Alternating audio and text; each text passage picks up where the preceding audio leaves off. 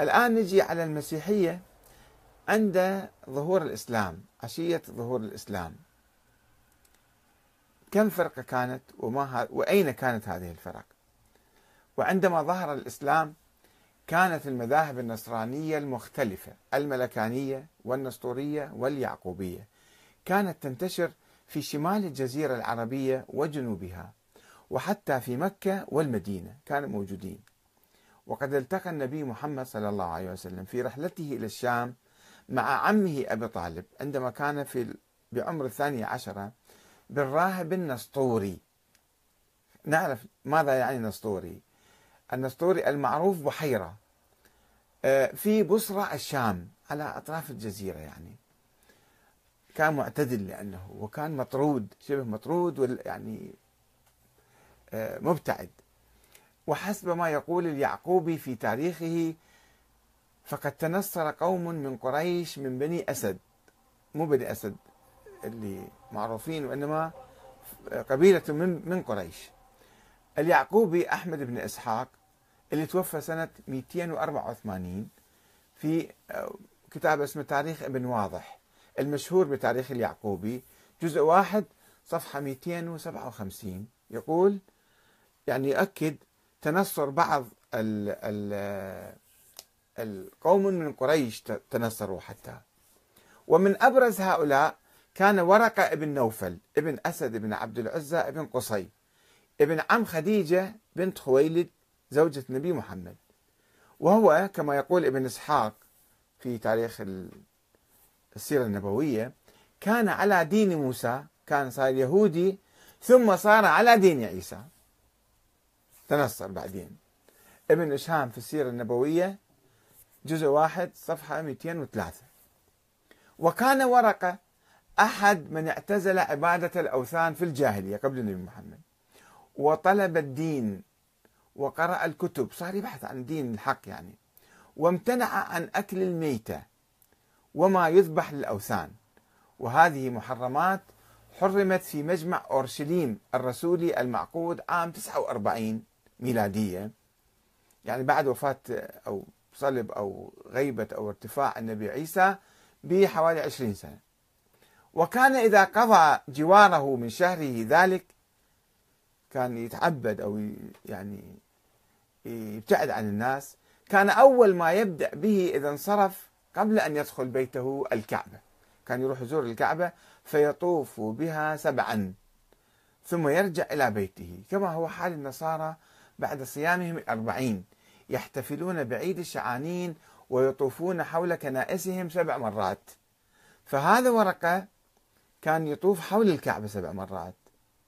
كما يقول ابن هشام في السيرة النبوية جزء واحد صفحة 211 والسيرة الحلبية جزء واحد صفحة 260 وأيضا المسيحي القس المسيحي أبو موسى الحريري في كتابه قس ونبي صفحة 25 أيضا يؤكد ذلك.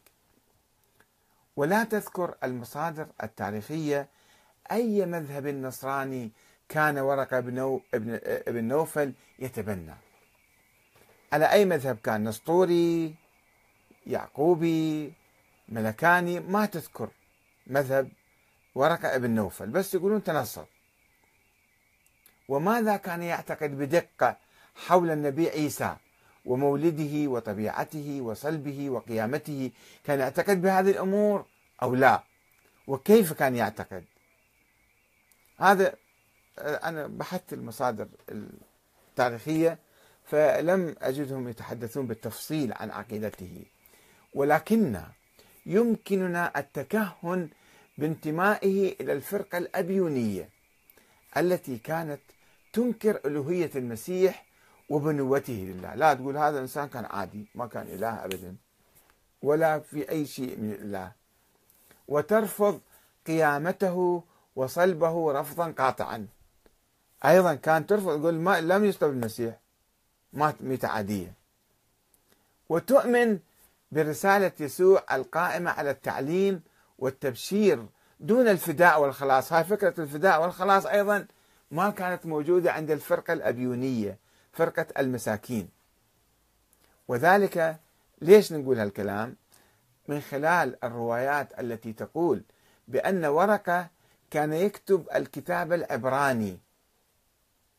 كان يكتب الكتاب العبراني. فيكتب من الإنجيل بالعربية ما شاء الله أن يكتب. كان يترجم يعني.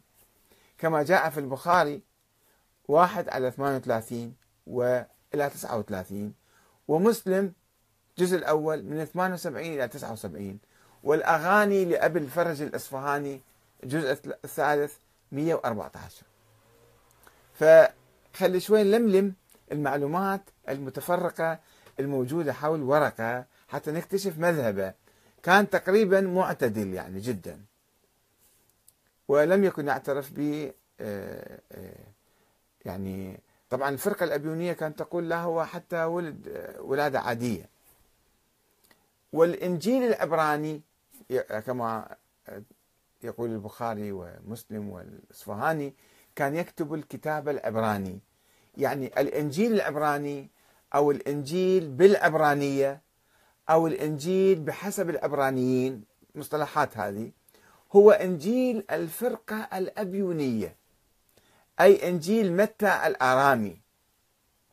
متى في إنجيل رسمي وفي إنجيل منحول يسموه ما معترفين به يعني اللي هو يسموه إنجيل متى الآرامي. هذه الأفكار موجودة في ذلك الإنجيل.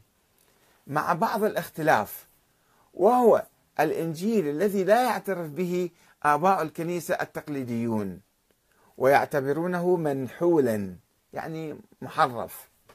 لأن هم ما اعتقدوا فيه اعتبروه هذا محرف هم غالوا فالكتابات المعتدلة صارت بنظرهم هذه مو صحيحة. ويبدو أن هذا أن هذا هو الإنجيل الذي كان بحوزة ورقة وكان ينقل من عنده ويترجم للعربي. والذي كان يقوم بتعريبه مما يرجح انتماء ورقة إلى نفس الفرقة الأبيونية. وبناء على ذلك يقول الأب موسى الحريري أو أبو موسى الحريري عدة طبعات كل مرة يكتب اسمه شكل مرة موسى الحريري مرة أبو موسى الحريري. مؤلف كتاب قس ونبي موجود على الإنترنت تقدرون تكتبون قس ونبي يطلع لكم. وبأن ورقة يقول هذا الكاتب المسيحي بأن ورقة كان رئيس كنيسة الأبيونيين في مكة.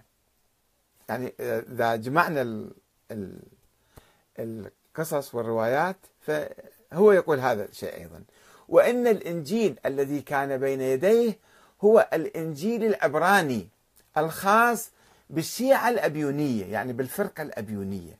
مو ملكي ولا نسطوري ولا يعقوبي. ويضيف هذا موسى الحريري إن هذا الإنجيل العبراني كان وحده دون سواه من الأناجيل بين يدي القس ورقة. يسميه قس هذا حتى كان قسيس يعني مو فقط إنسان عادي. ورقة بن نوفل. بدليل ذكره دون غيره من في كتب السيرة والحديث ما تذكر أي كتاب آخر. وبدليل ذكر القرآن لإنجيل واحد معرف بالألف واللام. الإنجيل. الأناجيل كمتعددة ولكن القرآن يقول التوراة والإنجيل. يطلق هذا الشيء بألف لام كأنه ألف لام العهد يعني الإنجيل المعروف الموجود في ذهن النبي وفي ذهن الناس القريبين من عنده. حيث لا ترد فيه صيغة الجمع إطلاقا بالقرآن ما تقول ما يقول القرآن الأناجيل. أناجيل عديدة على الأقل أربعة رسمية وأخرى غير رسمية ولكن لا يقول الأناجيل يقول الإنجيل واحد. في حين أننا نعلم وجود أناجيل متعددة معروفة منذ الجيل الأول للمسيحية. إن في رواياتها القانونية الأربع الرسمية يعني وإن في رواياتها المنحولة. فمنذ أوائل المسيحية كان المسيحيون يعرفون إنجيل متى ومرقس وإنجيل لوقا وإنجيل يوحنا. ومنذ البدء كان النصارى يعرفون إنجيل بطرس وإنجيل الرسل الاثني عشر. وإنجيل النصارى وإنجيل الطفولة وإنجيل العبرانيين وغيرها. فذكر القرآن أو فذكر القرآن العربي لإنجيل واحد مفرد على أنه الإنجيل الوحيد الذي عرفه يثبت أنه الإنجيل العبراني. خاصة ونحن نجد فيه وفي القرآن وفاقا تاما في العقيدة والفروض والعبادات وأحوال المعاد الأخر أو المعاد الأخير متفقة مع هذا الإنجيل. ويزعم الحريري